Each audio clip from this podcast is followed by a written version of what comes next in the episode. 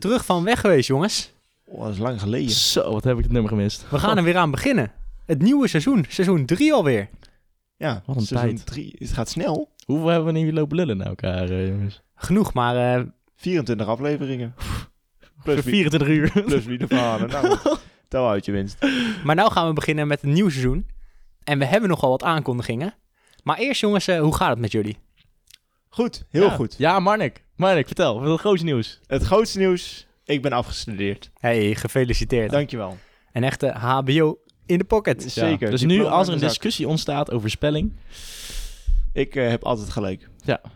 Marnik is nu de opperbaas bij ons. eh. En eh, Jeffrey heeft de Alpe d'Huez gefietst. Ja, Hey. Ab de 6 eh, Nog- ging heel goed. nog meer en eh, ondertussen kan ik al bijna niet meer koppelen in de auto... omdat mijn knie gewoon pijn doet. En je moet hem af en toe nog op fietsen, dus gaat Ja. helemaal goed hier. Ook nog. ja, ook dus als er een visio meeluistert...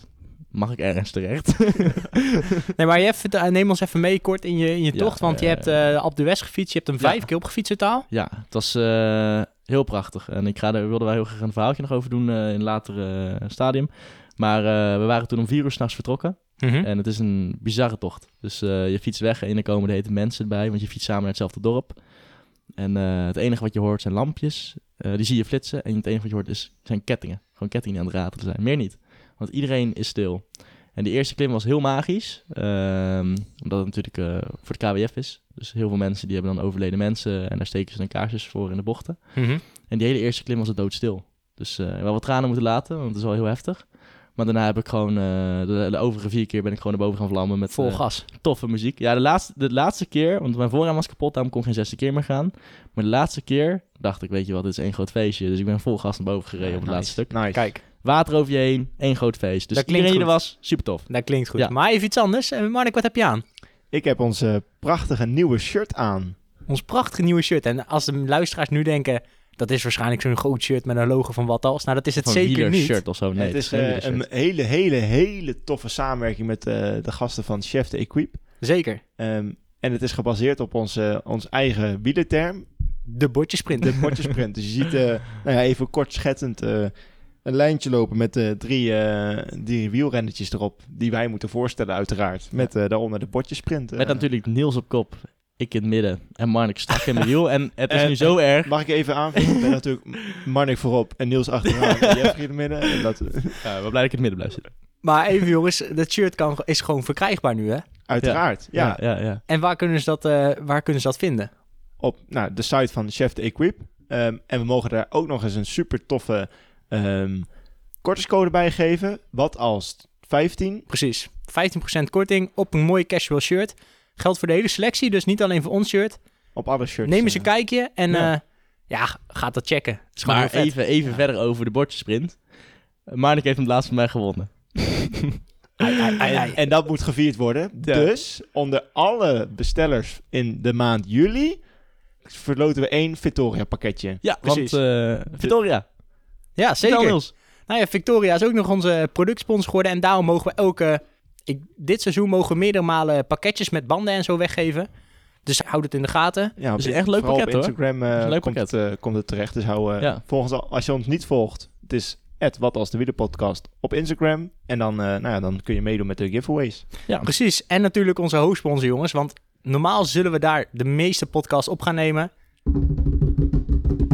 De, proloog. Hoppa. De wind mee, bergaf en café in zicht. Een mooi rondje over de Utrechtse Heuvelrug fietsen. Natuurlijk met een koffiestop bij ons favoriete wielercafé onderaan de Amerongseberg. De proloog. Ja, we zijn super blij dat de proloog eh, de hoofdsponsor is van eh, seizoen 3 Ja. En seizoen 4. en seizoen 4 van Wat als de wielerpodcast. Ja, daarom kunnen we deze toffe podcast blijven maken. En vandaag hebben we ook een hele speciale gast. Maar eerst, De superkudo. De Super Kudo rubriek. Ja, want we hebben natuurlijk een nieuwe Super Kudo. Ehm, voor de luisteraars die net nieuw zijn, Marnik, kun je nog even kort uitleggen? Wat houdt het nou precies in? oké, heel kort. De Super Kudo is ehm, ja, eigenlijk een een pluim die je van ons krijgt, een duimpje Dus omhoog, Strava Kudo, soort van, maar dan... een, een Strava Kudo eh, die je van ons uitgereikt krijgt voor een prestatie die je hebt geleverd. Dat kan eh, je eerste ritje zijn, dat kan de eerste keer 100 kilometer zijn, dat kan de eerste keer 30 kilometer zijn, dat kan de eerste keer 30 kilometer per uur zijn. Dat kan de eerste keer duizend kilometer aan een stuk zijn. Als je je eigen... Kan, kan, kan. van alles zijn. als je je eigen prestaties maar hebt verbeterd. Daar gaat het om. Precies. Ehm, en dan krijg je van ons een superleuk Supercudo pakket. eh gesponsord door onze hoofdsponsor, de Proloog. Met daarin eh al leuke pakketjes als een bidon, ehm, Een koffiekopje, koffiekopje. een petje. Je weet het zo gek niet. Van alles. Nou, Marnik, wie is de nieuwe Supercudo van deze keer? Eh, de allereerste Supercudo van seizoen 3 gaat naar Jonathan Weesies. Oké, Ja. en eh, Jeff, waarom gaat hij naar hem? Nou, hij heeft lekker lopen fietsen in het begin van het jaar. Eh, maar toen is hij van de trap gevallen. Twee armen gebroken, dus hij, hij leed als een soort krab. Ja, en, en, en hij, hij zit nu weer op de fiets, dus hij kan weer een beetje dingen doen.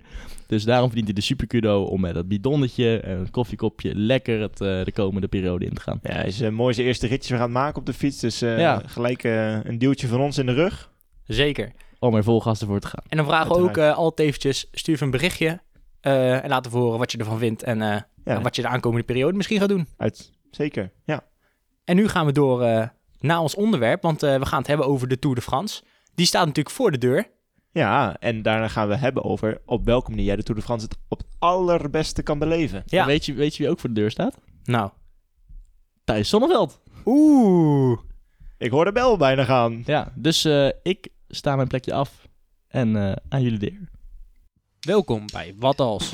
De wielenpodcast waarbij wij Marnik, Jeffrey. en Niels jou informeren en inspireren over alle ins en outs uit de wielerwereld. Van recreatieve fietser tot beroepswielrenner. Iedereen is van harte welkom bij ons avontuur op zoek naar de perfecte fietser. Het wordt een hele tour, het wordt een lange rit. Oh lieve schat, mon amour. Zeg ben je fit? Ik wil met jou naar de top. Ik zie het paradijs als kleine tussenstop. En dan weer vlucht naar Parijs. Mooie intro toch? Zeker. Dat is Ellen ten Damme, toch? Ja. Ja.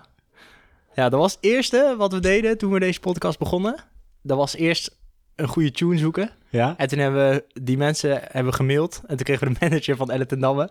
En die, eh, daar hebben we gevraagd van, mogen we de tune gebruiken? Want dat zouden ze super gaaf vinden.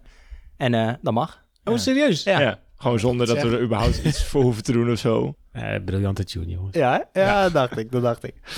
Nou, ehm, we gaan beginnen met de aflevering. Waar gaan we het vandaag over hebben, Marnik?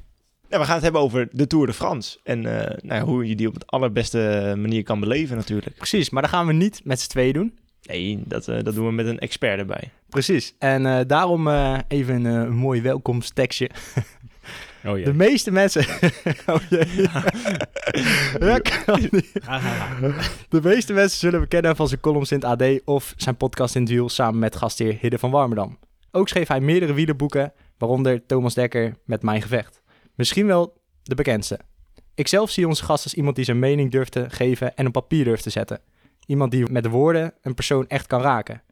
Op zijn Wikipedia staat ex-wielrenner. Maar de meeste mensen die hem echt volgen, zullen weten dat het niet helemaal klopt. Want hij wist laatst nog een gravelwedstrijd in Zandvoort te winnen. Met diezelfde passie schrijft en praat hij over de wielersport. En het is misschien wel de grootste aanhanger van Alejandro Valverde. Welkom Thijs Zonneveld. Dankjewel. Ehm, voor de mensen die jou niet kennen na dit mooie verhaaltje, zou je jezelf eh, kort kunnen voorstellen? Eh, ja, ik heb een beetje een gek cv. Ik eh, was in een ver verleden wielrenner. Eh, op, eh nou ja, op houtje-touwtje niveau, zoals ik het altijd zeg. Eh, ik reed voor ploegen in, eh, in Frankrijk en Spanje. En ik zelfs voor een Chinese-Amerikaanse ploeg. En toen ik eh, stopte, eh, kon ik eigenlijk nou aan de slag bij, eh, bij, bij een krant.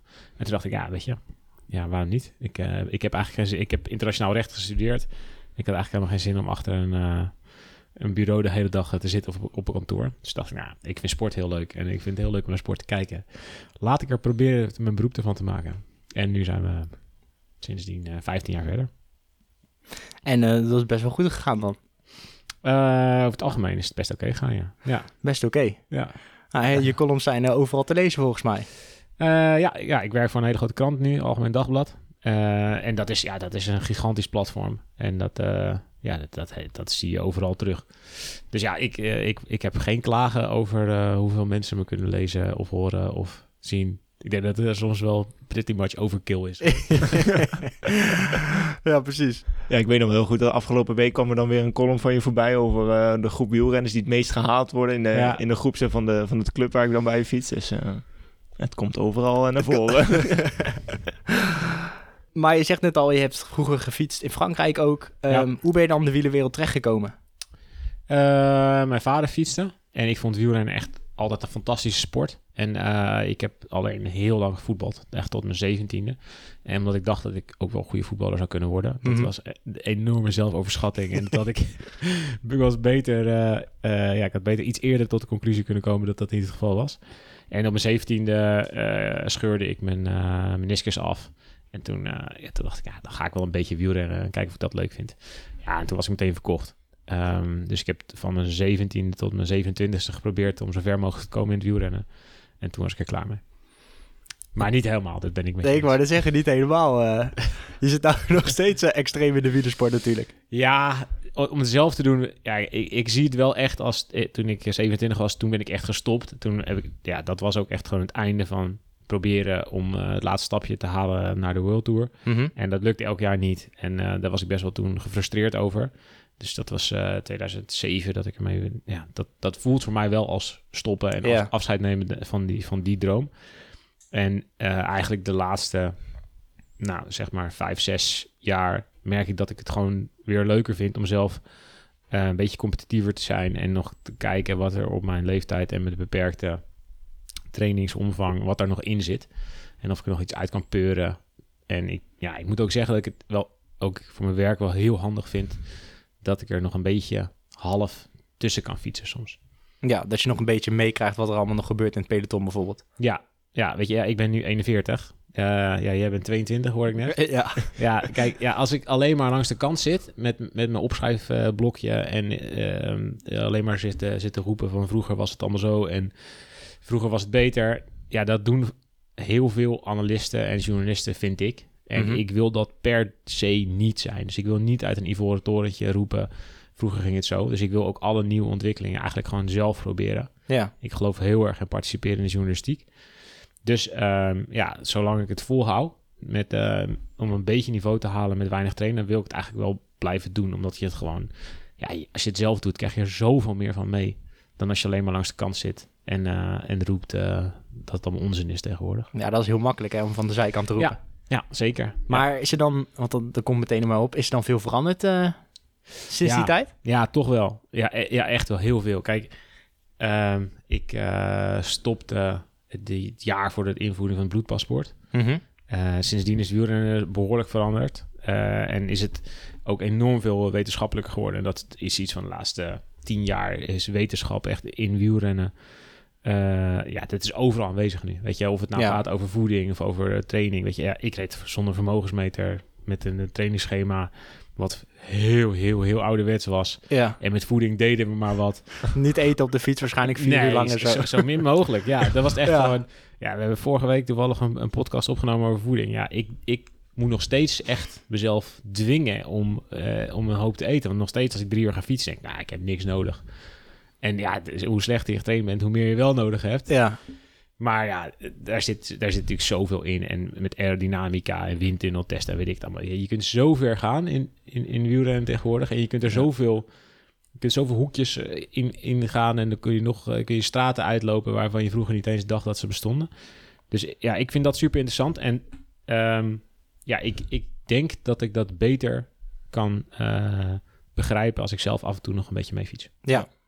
Ja. Vind je al die nieuwe ontwikkelingen dan ehm, mooi en, en goed dat ze er zijn? Of als je kijkt naar hoe, op de manier hoe jij je ehm, in het peloton zat? Eh, nou, ik zou veel liever nu renner zijn dan toen. En toen, en toen was het wel echt heel ouderwets. En de, de hiërarchie in het peloton was veel strikter. Weet je wel, als je een, een oude volwassen eh, prof was, dan had je veel te zeggen. En als je een jonkie was, dan moest je eh, je smoel houden. En dan moest je het eerst maar, eerst maar leren. En dat is nu totaal anders. En ehm, ik denk dat je toen ook veel meer tijd nodig had om heel goed ergens in te worden. Omdat je heel veel ervaring nu wordt gewoon gedeeld. Ja. En staat overal vrijelijk beschikbaar op internet. Ja. En als jij een goed voedingsplan eh, wilt hebben, dan ga je naar de Jumbo Food app en dan ga je een beetje rond, eh, rondneuzen. Of je neemt een trainer, je vermogensmeter. Ja, iedereen heeft het tegenwoordig, weet Ja. je. Ja. En vroeger had je daar echt, echt heel veel jaar voor nodig voordat je dat allemaal eigen maakte. Ehm, en dat is nu totaal anders. Dus ik vind het nu een veel interessantere tijd, eerlijk gezegd. En eh, ik denk dat het ook een veel eerlijkere tijd is nu.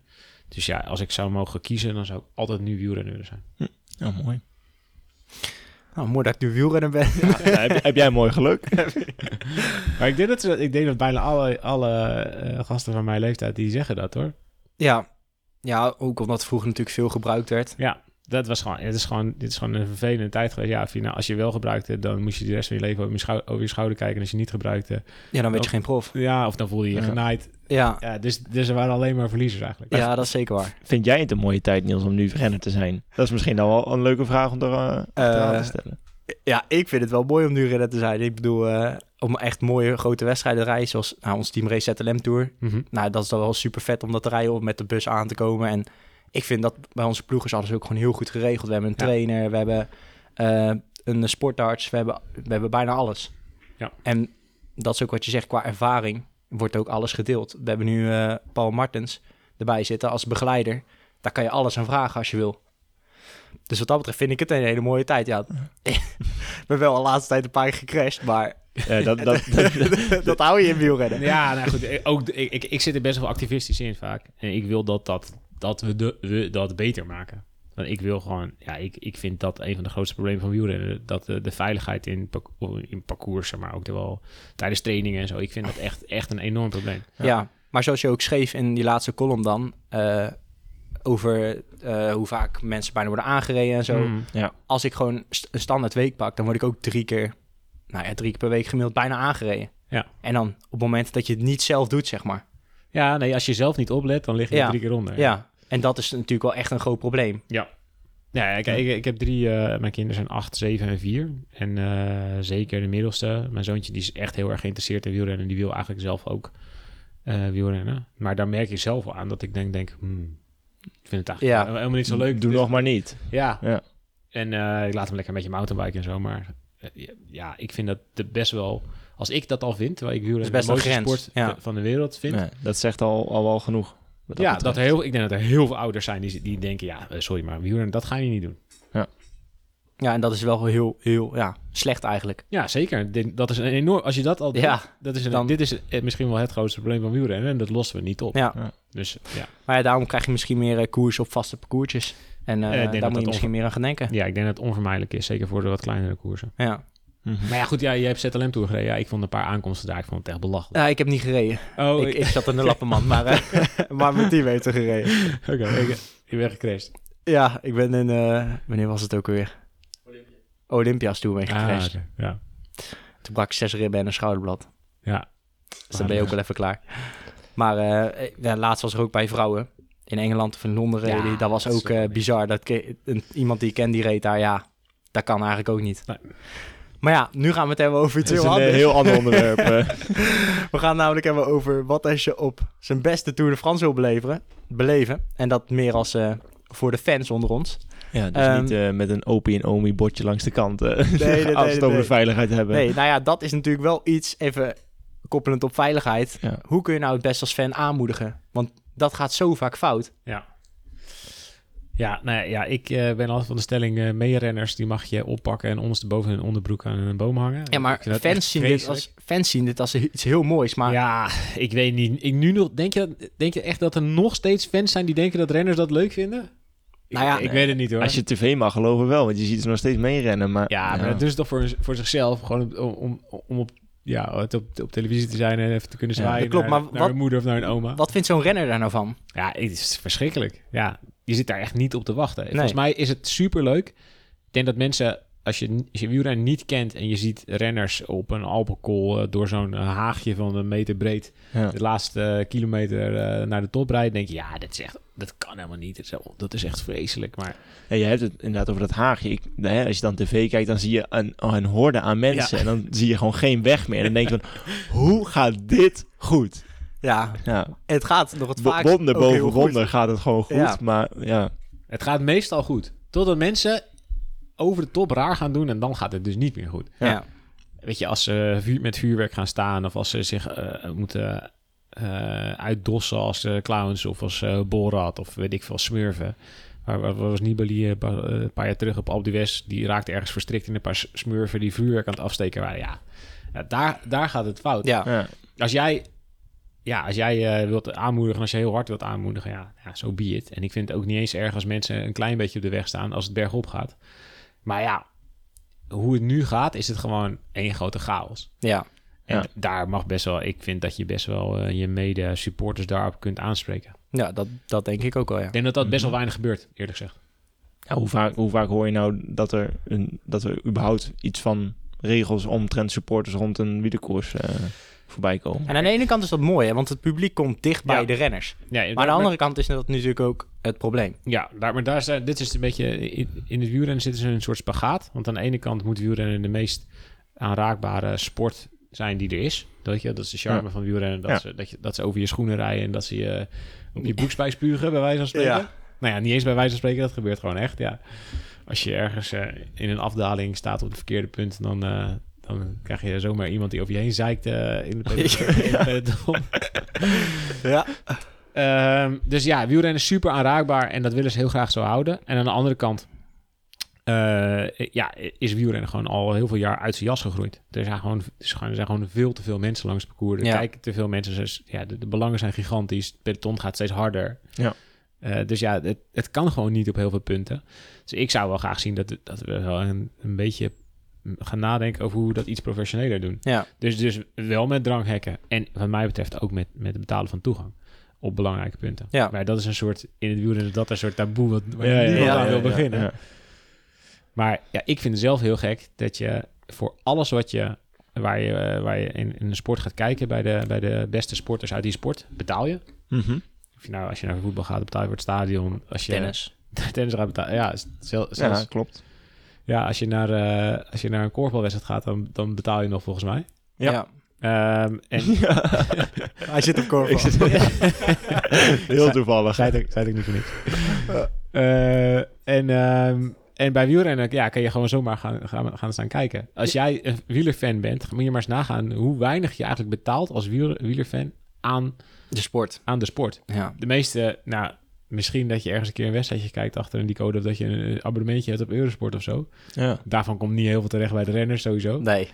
Maar dat is het dan ook wel. De Ja. Je rijdt niet in een shirt van je favoriete, van je favoriete club of team. Dus ja, is het dan zoveel gevraagd? fanbinding kan het een stuk beter. Ja, enorm. Ja. Er zit natuurlijk een, er zit natuurlijk een enorme... ja, als je het hebt over de financiën en de economie van wielrennen... zit daar natuurlijk een enorm eh onontgonnen gebied. Maar laten we even een stapje terug gaan. Stel nou dat ik de Tour wil beleven op zijn allermooiste als fan. Waar kan ik dan het best gaan staan? Ehm, ja, dit, dit- we gaan... Niet in de mij- afdaling dus. Nee, zeker niet in de afdaling. Nee, we gaan de- de- deze podcast gaan we een discussie hebben waar je het beter kan zien thuis of, of lang, langs het parcours. Ja, ik vind zelf dat je wel echt een paar keer geweest moet zijn. Ik, ik, toen ik klein was, eh, ik denk dat de eerste, eerste keer was ik vijf of zes of zo, toen ik de Tour voorbij zag komen. Ehm, gewoon bij de, bij de camping om de hoek. En ehm, ehm, toen zei mijn vader, weet je, ik probeerde het een beetje uit te leggen en ik snapte dat, dat nog niet echt, wat, wat wielrennen was. Ja, En- precies. en wat ze nou daar eigenlijk allemaal aan doen waren. Maar op het moment dat je dat, dat monster, dat peloton aan ziet komen voor de eerste keer... en alle motoren ervoor en de helikopters erboven en, en alle auto's erachter... Ik, vond, ik was echt meteen verkocht. Ja. Ik vond het echt fantastisch om te zien. En ik heb dat later nou, nog een aantal keer met mijn ouders gedaan. En toen ik eh, eh, 16, 17 was en zelf eh, op vakantie ging met mijn vrienden... zijn we volgens mij de eerste alle zomervakanties gingen we wel ergens kijken of we ergens in de, in de Alpen of in de Pyreneeën naar Tour konden gaan. En dat zou ik wel iedereen aanraden als je dan gaat. Ga naar een of andere monsterlijke beklimming en ga zo hoog mogelijk staan. en dat is natuurlijk wel, ja, je moet er komen. Ja, ik zou zeggen, neem je fiets altijd mee. Die dat, Ja, deze hoef ik nog kan fietsen. Ja. wij fietsen gewoon omhoog. Er was eh, altijd één vriend bij die minder fietste. En die, eh, voor hem was het de grootste opgave. En ik weet dat we nog één dag op de Jouplaan stonden. Dus wij waren helemaal omhoog gefietst. En eh, dat is een klim van een kilometer of 12, 13 of zo. Best wel een flinke alcohol, buiten categorie. En toen stonden we boven en wij maar wachten en wachten en wachten. En dit is dus nog voor de mobiele telefoon tijdperk, hè? Ja, ja, ja. en er, tijdje geleden. er, stonden, er stonden wel mensen overal en er stonden eh, campers en zo. En er waren, wel, er waren wel wat mensen, maar we vonden het niet super druk. Ja, het was wel gewoon de slotklim op de- in, in de Tour, weet je wel. Ja. En, eh, dus ja, we zaten, nou, hoe kan het nou, kan het nou? En de tijd ging maar verder en het werd twee uur, drie uur. En op een gegeven moment ja, we moeten toch maar even vragen wat er aan de hand is eigenlijk. En toen gingen we dus naar iemand in zo'n camper toe en toen gingen we vragen, ja, waar, hoe laat komen ze, waar blijven ze? En ik keek ons aan en die zei, gasten, het is vandaag rustdag, ze komen morgen. dus toen moest die vriend dus de volgende dag weer omhoog. Dat, Ja. dat, dat vertikte die toen. Ja, ja, Het is wel de beste plek. ja. En maar voor de, er zit natuurlijk veel meer dan alleen het peloton in koers.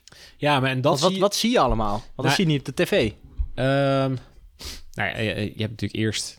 Ik weet niet hoeveel motoren ervoor uitrijden. Alle verkeersbegeleiders en allemaal dat soort eh, mensen. De, de VIP zitten er heel vaak nog ergens, ergens tussen. Tussen gepropt. Ja, in de Tour heb je een gigantische reclamekaravaan. Ja. Ehm, ja, die duurt echt... eh, nou ja, die duurt denk ik al- alleen al som- op sommige punten een half uur of drie kwartier voordat hij voorbij is. Met allemaal meuk die ze eruit gooien. Voor de mensen die dat niet kennen, dat is gewoon carnaval, toch? ja, het is een soort carnaval, ja. Ja. Soort, zo- maar- ja. Of, eh, of eh, de- wat heb je bij ons in de regio? Eh fruit, eh, corso eh, Ja, idee. ja, ja. Dan heb je ook nog een wagentje met een Romania. Of dat, nee, Dat, is in, dat is in België vooral. Ja, daar doen ze niet aan reclamekaravaan. Nee. Maar in de Tour zit er een reclamekaravaan van... Ja, dit is, het is gewoon inderdaad carnaval, maar dan met cadeautjes. Dus Ja. ze gooien er van alles uit. En eh, ja, je ziet mensen daar als idioten om vechten... en eh, op elkaar duiken om eh, een, een, balpen eh, van, van eh, twee cent eh, eh, elkaar te, be- te bevechten. Ik heb één keer eens een keer met... eh, met, ben ik met Haribo mee geweest. Mhm. En toen zat ik in, een, in zo'n rijdende aardbei. Oké. En toen, heb ik, toen heb ik echt urenlang in die rijdende aardbei gezeten. En dan zie je wat mensen doen voor een zakje snoep. Ja, Ja, dat is echt bizar. Dat is echt, echt bizar. Dat dat niet vaker fout gaat. Het is echt een wonder. Maar rijdt die, rijdt die tourcaravan de complete eh etappe van die dag? nee, bijna. Nee, ze, eh, ze kunnen niet de hele etappe rijden. Sommige stukken rijden ze echt wel hard, bijvoorbeeld. Mhm. En anders, ja, dat je hele steile beklimmingen gaat ook niet. Want ze moeten de hele tijd stoppen en optrekken. En Ja. Er, zijn, ja, er zijn wagens bij die dat gewoon niet, niet halen. Mhm. Dus dan is het gewoon abandon, uh, aardbei. Ehm, dus ze rijden, ze rijden vooral eh, het laatste deel van de etappe. Hm. Dat, eh, dat is bijna altijd reizen dat helemaal. Ehm, tenzij het echt onverhard is. Of, weet je, wel, zo. Ja, ja. of zo stijl dat het niet gaat. Maar de- ja, het grootste deel van de etappe rijden staat, ja. En hoeveel minuten voor het, de koplopers of peloton rijden ze meestal uit? Ja, dat begint denk ik een uur of... Ik denk dat ze misschien s- 's morgens wel op drie of vier uur van tevoren vertrekken. Oh, Het ligt er een beetje aan hoe, de, hoe lang de etappe is. En eh, dat zal aan de finish altijd nog een uur of twee, anderhalf zijn of zo. Oh, echt? Dus de renners lopen in op de Ja. reclamekaravaan. Ik vind dat heel irritant, want dat, zij rijden altijd een beetje op de plek op het parcours waar, waar ik nog mijn, snel even mijn, mijn rondje fiets Ja, ja, ja. ja, voor ja. de etappe. Want ik wil het liefst altijd zelf de laatste 50, 60, 70 kilometer zien. Dus dan kom ik heel vaak terecht in een reclamekaravaan. Achter de Ariep. Heel irritant. Achter ja. de, de, de rijden de aardbeien. Ja, ja, ja, na, zo, zo na anderhalve week tour, dan hebben we meestal wel ruzie. Ja. ja, dan vinden ze mij irritant. Hebben die gast, ah, fuck, hebben die gast weer. En dan denk ik, ah, hebben die hun weer. Nou, goed. Maar je rijdt meestal de laatste 70 kilometer van de etappe gewoon om te voelen hoe dat nou is. Ja, nou ja, eh, ik heb geen zin om de hele dag te hangen in de perszaal. Dat is, Ja. dat, is, dat is één. En twee is, ja, ik wil gewoon weten hoe staat de wind, hoe is die eh, beklimming, hoe, eh, eh, ja, hoe, hoe erg zijn die, eh die kasseistrook, weet je, de komende tours er een kasseirit in. Ja, ik, ja, dat wil ik dan wel weten. Ja. Weet je, ik vind, en dat is ook omdat ik niet na afloop wil zeggen, ja, weet je, het sloeg nergens op dat ze niet aanvielen en stom en saai. En terwijl als je weet, als je die klim oprijdt en er staat volle bak tegenwind, ja, dan snap je waarom Ja. de favorieten eh, in hun hok blijven zitten. Ja. Dus ik wil het gewoon, ja, ik wil het gewoon voelen. Ja, maar dat is denk ik wat, wat je op tv natuurlijk niet ziet. Nee. Waar de wind vandaan komt en hoe het daadwerkelijk voelt. En, ja, en de commentatoren op tv, die, die weten dat ook niet. Nee, ja, ja ik, ik vind dat daar zit, daar is een enorme eh, winst te halen ook. Want ja, persoonlijk kijk ik best wel hè, in de zomer altijd naar de Tour de France. En dan denk ik van ja, waarom val je nu niet aan? Of rij je niet wat harder door, weet je wel? Dan, dan, dan haal je wat tijd in. Maar ja, ik Ja. heb eigenlijk geen idee hoe, hoe dat nou daadwerkelijk voelt. Ja, dus ik, ik, wind is gewoon ontzettend belangrijk in wielrennen. Ja. En eh, ja, als het tegen wind staat, dan denk je, hey, wacht wel even, ik wacht wel even, ik Ja, wacht wel precies. even. Ja. Ja, Kun je beter blijven zitten. Ja. Ja, en, ik, ja, en het allerleukste is natuurlijk als je op een punt in het parcours rijdt en het is nog eh 2,5 uur voor de koers en je denkt, hé, hey, wacht even, de wind staat hier op de kant. Het kan hier zo meteen eh, Een waaier een waaier worden getrokken. Mhm, ja. Ja, dat, dat is het allerleukste als je dat tegenkomt, maar dat gebeurt niet zo vaak. Nee, nee, nee. Ah, misschien in Denemarken dit jaar. Ja, het zou leuk zijn. Ja, Hebben Ja, ze hele lange bruggen, toch? ja zeker. In de, in de tweede rit volgens mij zit er echt wel een grote waaierkans in. Ja. Hey, ik heb één keer in mijn eerste tour die, die ik deed als verslaggever, dat was 2009. Toen eh, fietste ik ergens in de, in de Camargue, bij, eh, ergens in Zuid-Frankrijk. En ik was over het parcours aan het fietsen en, ja, en het was, er stond wel wind, maar niet superveel. En toen kwam ik in één keer een dorpje uitdraaien en toen stond hij echt in één keer vanuit de zee echt vol de kant. En het was met heel even veel, 26 kilometer te gaan. Ik zo, het gaat hier echt kan niet anders dan die op de kant gaan. Ja, een Nederlander, eh, opgevoed in die waaierkoers, dus ik weet echt wel wa- waar het op de kant kan gaan. En er zat een, eh, een, een collega van mij, die zat in de auto bij Skill Shimano toen en die reed hun eerste tour. En die was echt een klein mini-mini ploegje en die werden door iedereen uitgelachen en die, die konden geen top 10 plek bij elkaar rijden in die etappes.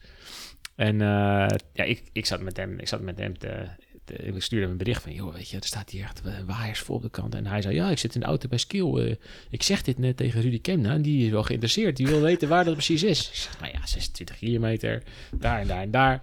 Dus ik ga daarna, zit ik in die perszaal. En ja, die koers, die komt op dat punt. En precies op dat punt, ja, de hele, de hele peloton ontploft daar. En dan rijden 20 man weg. Zonder Contador met Armstrong. Dat was de tour dat Armstrong terugkwam. Mhm. En met zes man van skill. dus toen zat ik voor de tv toen dacht ik, "Kut, wat heb ik nou gedaan? ik heb de koers beïnvloed. Dat was niet helemaal de bedoeling, maar het was erg grappig. Ja, wel mooi hoe dat dan het verschil kan maken. Zeker, ja. En zo zie je maar dat toch eh, die, die inside info wel van belang is. Soms, ja, nou ja, ja soms. Ja, dit- best wel vaak kun je toch wel iets eruit halen, ja. Ja. En wat zijn de verwachtingen van deze Tour?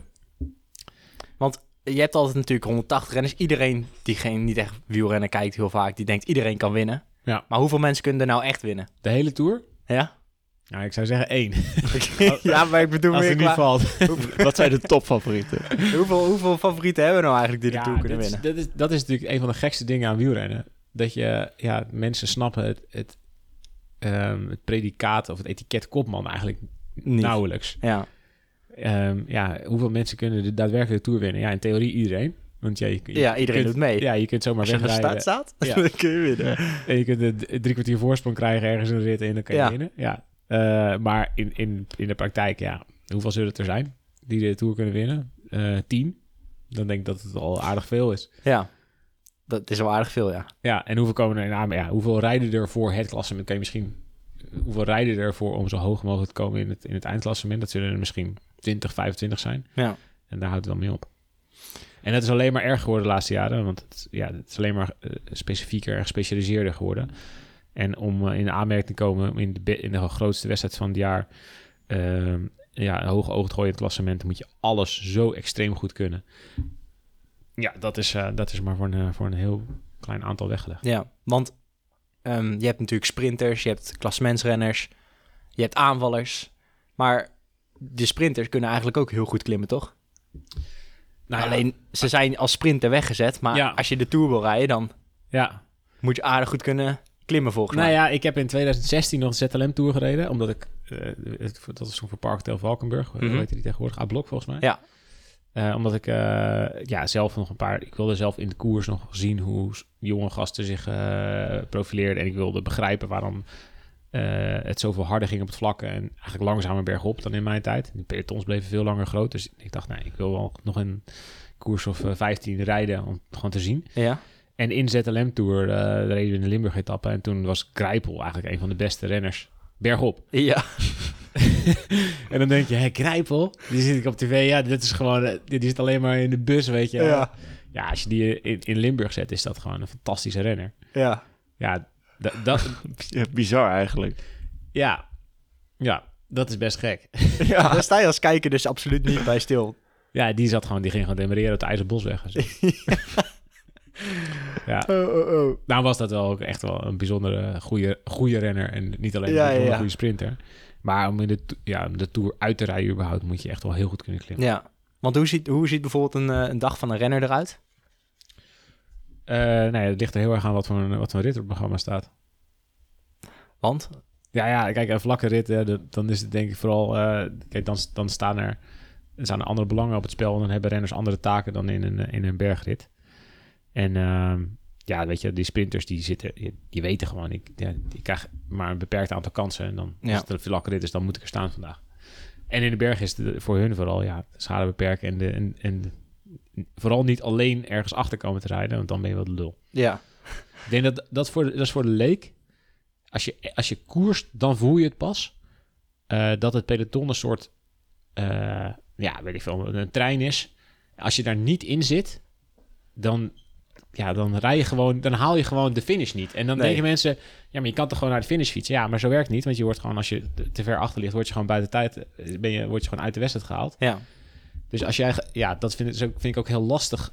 Als jij begint met wielrennen en dan zeg je, ik heb die en die wedstrijd uitgereden. Dan kijken mensen echt zo aan, ja, uitgereden. uitgereden ja. ja, weet je, een buurman met zijn dikke buik, eh, die eh, kan ook 120 of 150 kilometer fietsen. Ja, wat zegt mij dat nou? Ja. dat je die Ja. wedstrijd hebt uitgereden. Maar als je al in de uitslag wordt opgenomen, dan hoor je meestal al bij de beste 50% van, van de wedstrijd. Ja, ja. En dat is best wel lastig uit te leggen voor een leek. Maar in de Tour ja, kan je dit dus niet eh, permitteren om ergens eh, in je eentje erachter te raken. Want dan is het gewoon net als achter, achter de trein aan rennen als je op het perron staat. Ja, dan moet je echt heel goed zijn als je die nog wil inhalen.